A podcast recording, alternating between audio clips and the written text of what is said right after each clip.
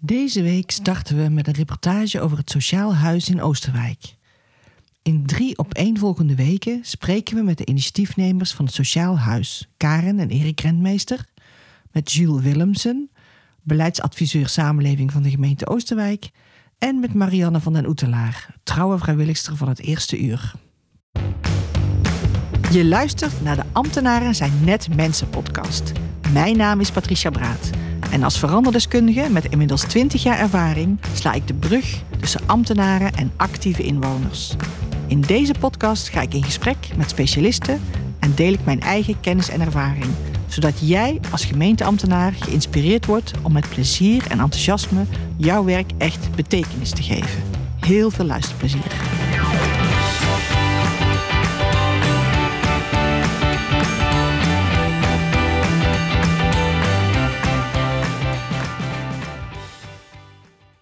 We starten de reportage met een gesprek met Karen en Erik Rentmeester. We horen hoe het Sociaal Huis heeft kunnen uitgroeien tot de maatschappelijke organisatie die het nu is geworden. Een organisatie met een breed aanbod van activiteiten, ruim 200 vrijwilligers en waar in twee jaar tijd ruim 800 unieke hulpvragers met ruim 1000 hulpvragen zijn geholpen. Over de obstakels die zij hebben moeten nemen, maar ook met hoeveel passie en betrokkenheid zij actief zijn voor de meest kwetsbare inwoners in de gemeente Oosterwijk. Karin, kunnen jullie jezelf even voorstellen? Nou, ik ben Karen Rentmeester, mentorhulp Oosterwijk. En ben dus werkzaam in de gemeente Oosterwijk voor de mensen met uh, allerlei hulpvragen. Oké. Okay. Erik Rentmeester, bestuurslid bij Stichting Sociaal Huis Oosterwijk. Ja. En uh, partner van Karen. Ja. En jullie zijn samen gestart met uh, een inwonersinitiatief. Of eigenlijk met verschillende inwonersinitiatieven. Uh, en dat is uiteindelijk uitgemond tot waar we nu zitten, het Sociaal Huis in Oosterwijk. Kunnen jullie eens terug vertellen hoe dat zo gekomen is? Hoe hebben jullie de weg bewandeld om hier te komen? Nou, de start is eigenlijk begonnen doordat mijn zus kwam te overlijden. Zij had alvleesklierkanker. En ik botste toen de tijd tegenaan van uh, wat is nou mogelijk om hè, nog zo graag uh, mogelijk te maken voor haar. Wat zijn haar wensen? Ze wilde thuis sterven. Mm -hmm. En op haar sterfbed zei ze van, ja, ze noemde me thuis altijd Kees. Van, hé hey Kees, we gaan het nou eens doen met uw leven, hè, met jouw werk. Want ja, ik uh, was altijd bij een bedrijf een aantal jaren en dan had ik het wel weer gezien. Ik ben, heb nogal wat uitdagingen nodig. En toen ben ik daar eens over na gaan denken samen met mijn partner Erik. En uiteindelijk uh, is mentorhulp uh, ontstaan. Uh, eerst nog uit mentorschap. Mm -hmm. mensen die voor zorg en welzijn zou ik dan een, degene zijn die dan voor hun kon zorgen. Die beschikking die moet vanuit de rechtbank komen. En ik had dus een cliënt die ik mocht gaan ondersteunen. Mm -hmm. uh, alleen zo'n aanvraag dat duurde tot uh, zes tot negen maanden. En de persoon waar ik kennis mee had gemaakt, die uh, overleed binnen vier maanden. Dus ik had Oh. niks kunnen betekenen. Toen dacht ik van, nou, als het zo gaat, dan is dat niet prettig. Dat Nee. moet anders. Dus dan loop je toch tegen bureaucratie aan. En toen zijn we dus mentorhulp begonnen. En gewoon in de wijk van waar hebben de mensen behoefte aan in onze wijk? Welke hulpvragen hebben ze? En al snel kwamen wij tot de ontdekking dat er wel mensen waren met hulpvragen. Want ja, wij wilden natuurlijk ook kijken of dat je iets zou kunnen verdienen uit een PGB of uit middelen, eh, eigen middelen van de mensen. Maar al snel kwamen we erachter dat er mensen kwamen die uh, met hulpvragen die geen geld hadden of weinig geld. Uh, dus daar zijn we eigenlijk op ingesprongen. Van hebben we twee jaar lang hebben we samen uh, gekeken naast het werk wat wij deden. Om ja, ook een beetje te proeven van wat, wat leeft er, waar lopen mensen tegenaan, het uitzoeken. Hè? Want het was voor ons ook een nieuwe weg. Yeah. Ik stond eerst bij de bakker, dus dat is nogal iets anders. En uiteindelijk uh, kwamen we bij de gemeente in beeld. En daar kan misschien Erik iets over vertellen. Ja. Ja, uh, wij zijn dus heel wat mensen tegengekomen die in een sociaal isolement waren uh, als gevolg van hun financiële situatie. Ja. Veel mensen met schulden als gevolg van uh, een echtscheiding of ziekte, werkeloosheid, uh, noem maar op. Ja. Die mensen zaten allemaal binnen. In veel gevallen konden nergens aan deelnemen, want het, het, reguliere uitgaan of een etentje of sporten, of het, het kost allemaal geld. Ja. En toen zijn we gaan kijken wat er voor die mensen mogelijk was en zelf activiteiten gaan organiseren die we ook zelf eh, bekostigden. Om de mensen maar buiten de deur te krijgen, om ze in contact te brengen met anderen, om weer een sociaal netwerk op te bouwen. En toen inderdaad zijn we na twee jaar in beeld gekomen bij de gemeente. Mhm. En eh, hebben we het advies gekregen om de één op één hulp vanuit mentorhulp en de activiteiten uit elkaar te halen. Oké. Voor duidelijkheid. Ja. Ja, dus Ja. toen eh, is er een stichting opgezet waar alle activiteiten onder vielen. Oké. Oké. Helder. Mooi. En verder toen? Wat, wat, wat ging er dan vervolgens gebeuren? Want jullie hadden twee jaar lang eh, met heel veel eh, moeite allerlei dingen georganiseerd. Eh, steeds meer vrijwilligers die aangehaakt worden, steeds meer mensen die geholpen worden. Wat ontstond er toen? Nou, de eerste activiteit die wij organiseerden was van een, eh, een Afghaanse jongen. En ehm, hij woonde twee jaar in onze wijk. En kende alleen twee mensen eh, in zijn straat. De onderbuurman of vrouw en de overkant iemand. En hij had behoorlijk wat behoefte aan eh, sociale contacten. Want hij was hier alleen gekomen. Dus hij had echt ook geen familie of eh, vrienden. Nee. En eh, toen vroegen wij zo van, ja, wat heb je dan, wat doe je, hoe doe je dat dan in, in jouw thuisland? En toen zeiden ja, eten, eten verbindt. Dus toen hebben wij in onze wijk, bij het wijkcentrum, waar ook wat ruring nodig was, hebben wij ontmoet je buurt, proef je wijk georganiseerd. En we dachten, nou, dan vragen we de mensen uit de wijk, kom maar iets lekkers uit jouw keuken. En wij hadden bijna 50 nationaliteiten die kwamen op die eh, dag. Eh, met allerlei lekkers. Dus van zult tot van een haring tot eh, de meest lekkere culturen hapjes eh, vanuit de, de keukens. En wij dachten, nou, hoeveel mensen komen daar nou op af? Maar uiteindelijk zijn er dus 350 mensen gekomen. Geweldig. En daar is eigenlijk alles gaan draaien en ontstaan. Vanuit daar kwamen we erachter dat mensen behoeftes hadden aan bepaalde dingen die ze dus niet konden doen, omdat er geen geld was. Of ja, hoe ga je zoiets organiseren? En daar zijn we eigenlijk mee gestart, omdat dat is eigenlijk in het begin. Szene Bij het wijkcentrum hadden ze vrijwilligers nodig. En er waren er toch wel een veertigtal mensen die eh, iets wilden doen voor hè, hun wijk.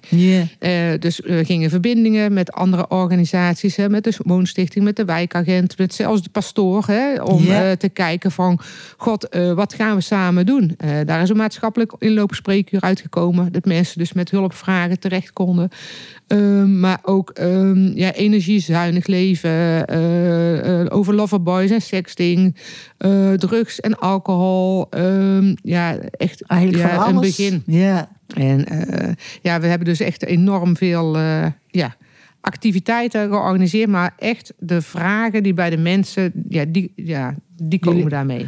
Ja, jullie organiseren eigenlijk op basis van waar de hulpvragen liggen. Daar, daar ontstaan eigenlijk allerlei dingen.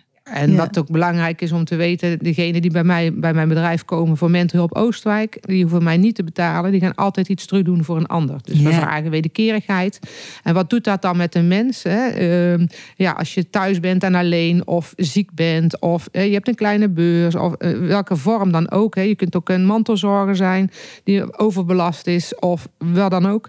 Om iets te betekenen dat je weer meedoet en eh, iets wat jij leuk vindt, dat je daar aan mee mag dragen. En dat heeft wel ja, de mensen een enorme boost. Hè? Dat is, eh, er komt er weer twinkeling in de ogen, Ja. zullen we het zo zeggen. Omdat ze zelf ook iets kunnen betekenen voor ja, de ander. ja, dat is ja. juist belangrijk. En Ja. dan eh, hebben we nu zo'n dik 200 mensen, eh, vrijwilligers, die actief zijn.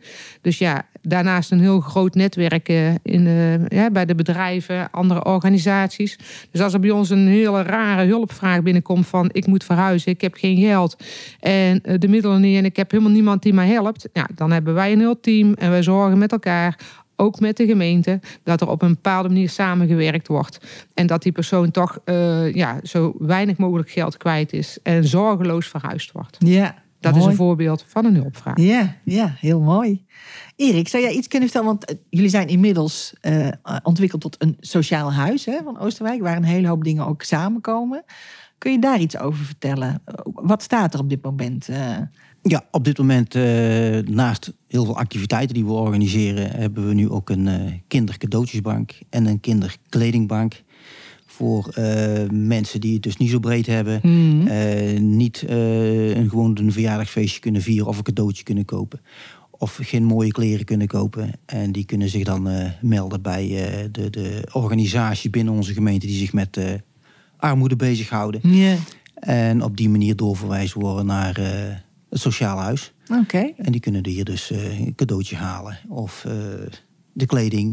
En we hebben ook een naaiverstelatelier waar mensen met een kleine beurs hun kleding kunnen laten vermaken. Ehm, een uitleenpunt voor hulpmiddelen, zoals rollators. Rolstoelen en dergelijke. Ja, niet alles wordt meer vergoed. eh, dingen die je zelf aan moet schaffen. En als je een kleine beurs hebt, dan zit er daar vaak niet in. Nee. En hulpmiddel kan toch heel belangrijk zijn.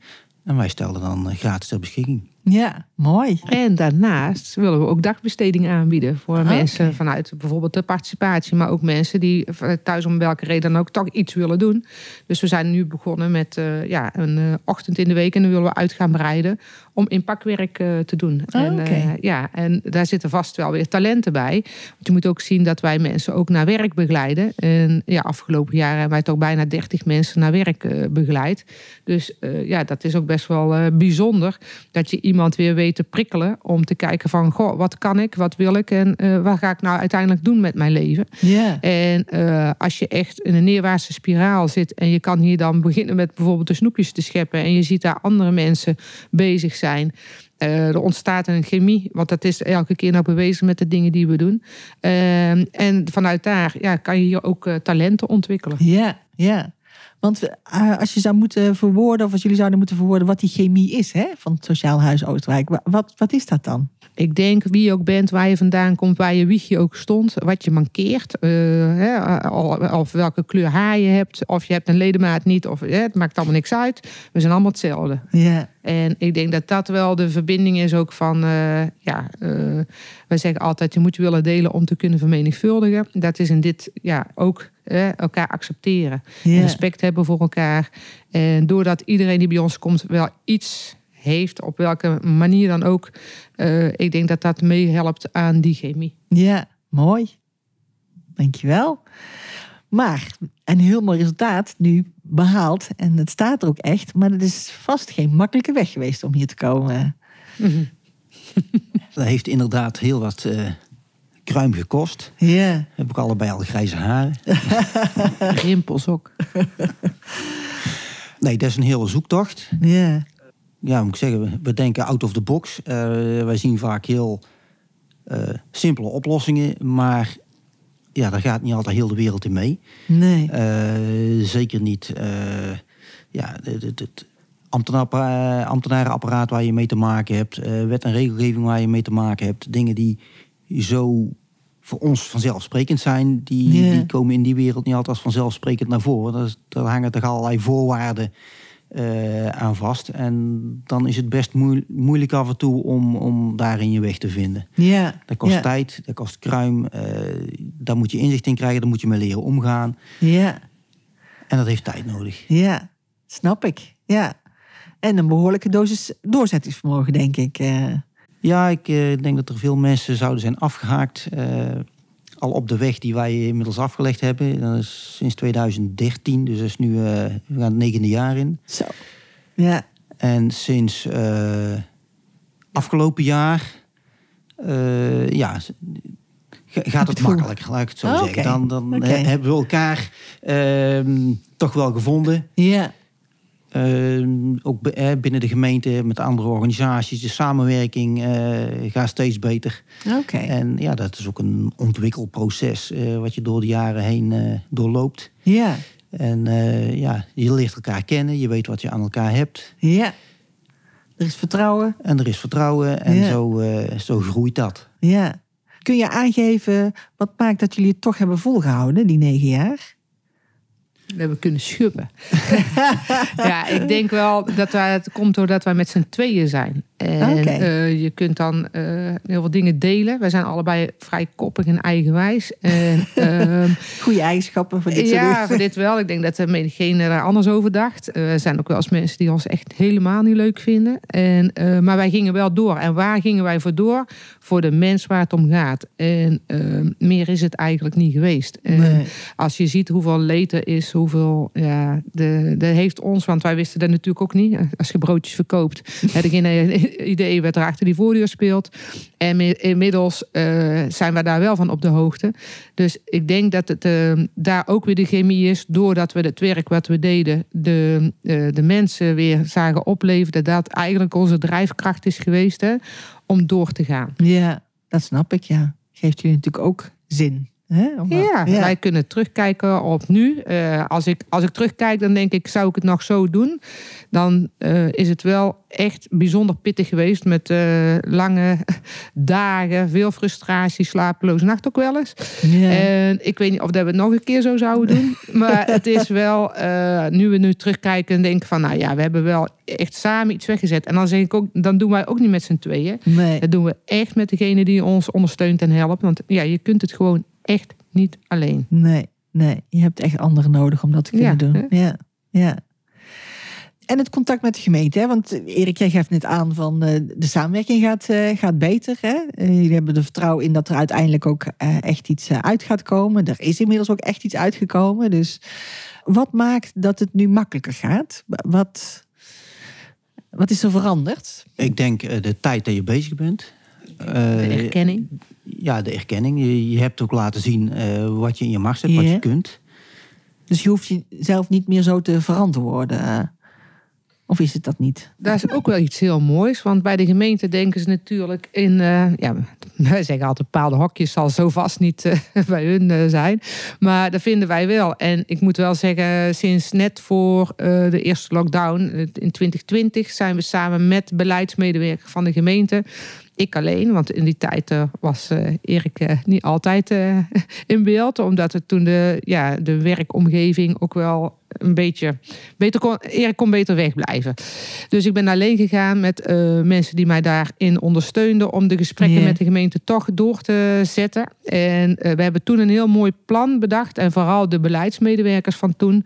om een heel mooi concept te maken. Want de verantwoording, de eerste keer, zeg ik dat goed, Erik, dat wij 75 casussen moesten beschrijven. Veel. Nou, in ieder geval heel veel.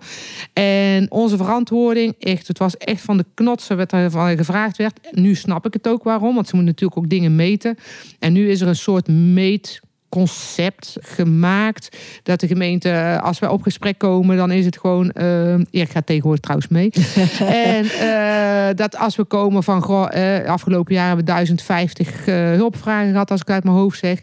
En er zitten niet de minste bij. En dan zeggen ze, nou, poppetje, huppelepup. eh, hè, we hebben dan eh, nummertjes gegeven. Sorry, mensen horen dan toch wel een nummertje. Maar je mag natuurlijk hè, met Nee, privacy. nee. En eh, die komt dan bijvoorbeeld wat vaker terug. Dan kunnen we kijken van wat speelt er dan? En zien we structuur. Hè? Er is meer vergrijzing. heb je wat meer ja, WMO gerelateerd of wat dan ook.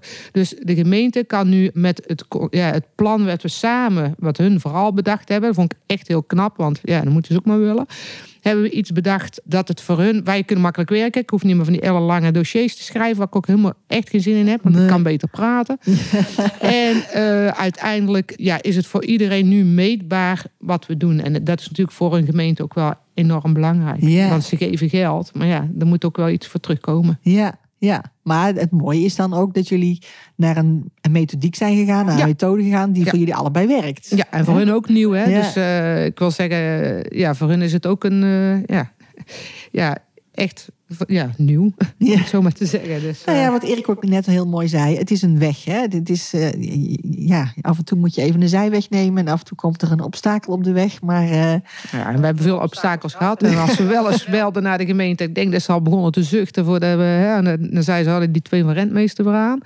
En nu is het al wie ik ook bel of wat dan ook. En we moeten er niet van uitgaan dat een ambtenaar werkt van, eh, hè, van, eh, van 9 tot eh 4 of zo. Nee, we hebben echt ambtenaars die wij echt kunnen appen. Maar ook in het weekend mogen bellen met echt iets bijzonders. Eh, echt, als het echt hoge nood is of wat dan ook.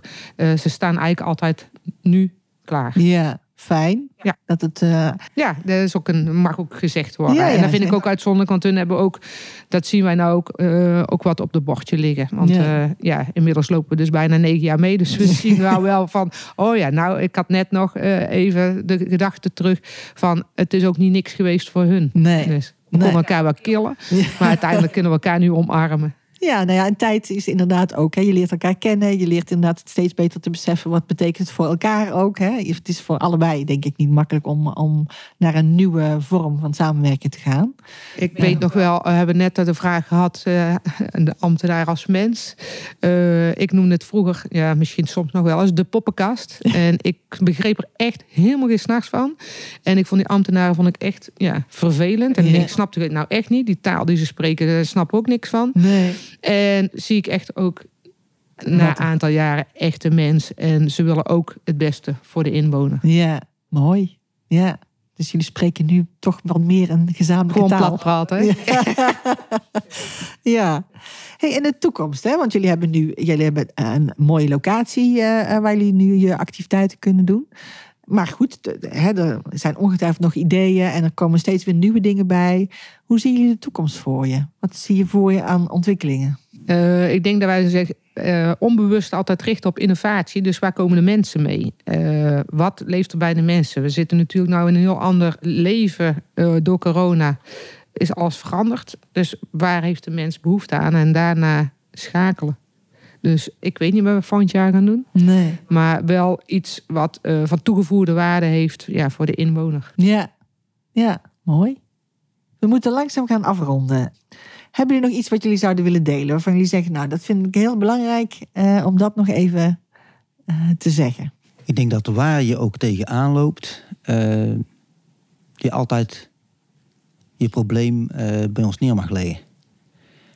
En dat we samen kunnen kijken van hoe kunnen we hier het beste mee omgaan? Wat is er nodig om het probleem te tackelen? Ja. Uh, want je hoeft het allemaal niet alleen te doen. En we kunnen meedenken. Uh, we kennen inmiddels de partijen uh, binnen Oosterwijk die mogelijk iets kunnen betekenen. Uh, ook dan in, de, in, in, het specifieke geval. Ja. Um, we kunnen mee rond de tafel. We kunnen bij gesprekken zijn. Uh, want soms is het best wel moeilijk voor een inwoner om dan tegenover uh, een, een, officiële instantie uh, het verhaal te moeten doen. Yeah, en dan is het voor een inwoner vaak fijn om een backup te hebben of iemand die meedenkt. Yeah. Mooi. Ja. Nou, dat is een hele mooie, mooie tip. En we hebben ook een motto, toch, Erik? Ja, heb je net gezegd, je moet willen ja, delen. Je moet willen delen om te kunnen ja, te vermenigvuldigen. Maar Ja. dat is, ja, dus dat, dat vind ik wel belangrijk. Er is wel wat eh, andere mensen waarmee werken, die snappen dat inmiddels ook. Hè? Ja. Dat het zo ook echt werkt. Ja, mooi. Oké, dank jullie wel voor jullie tijd.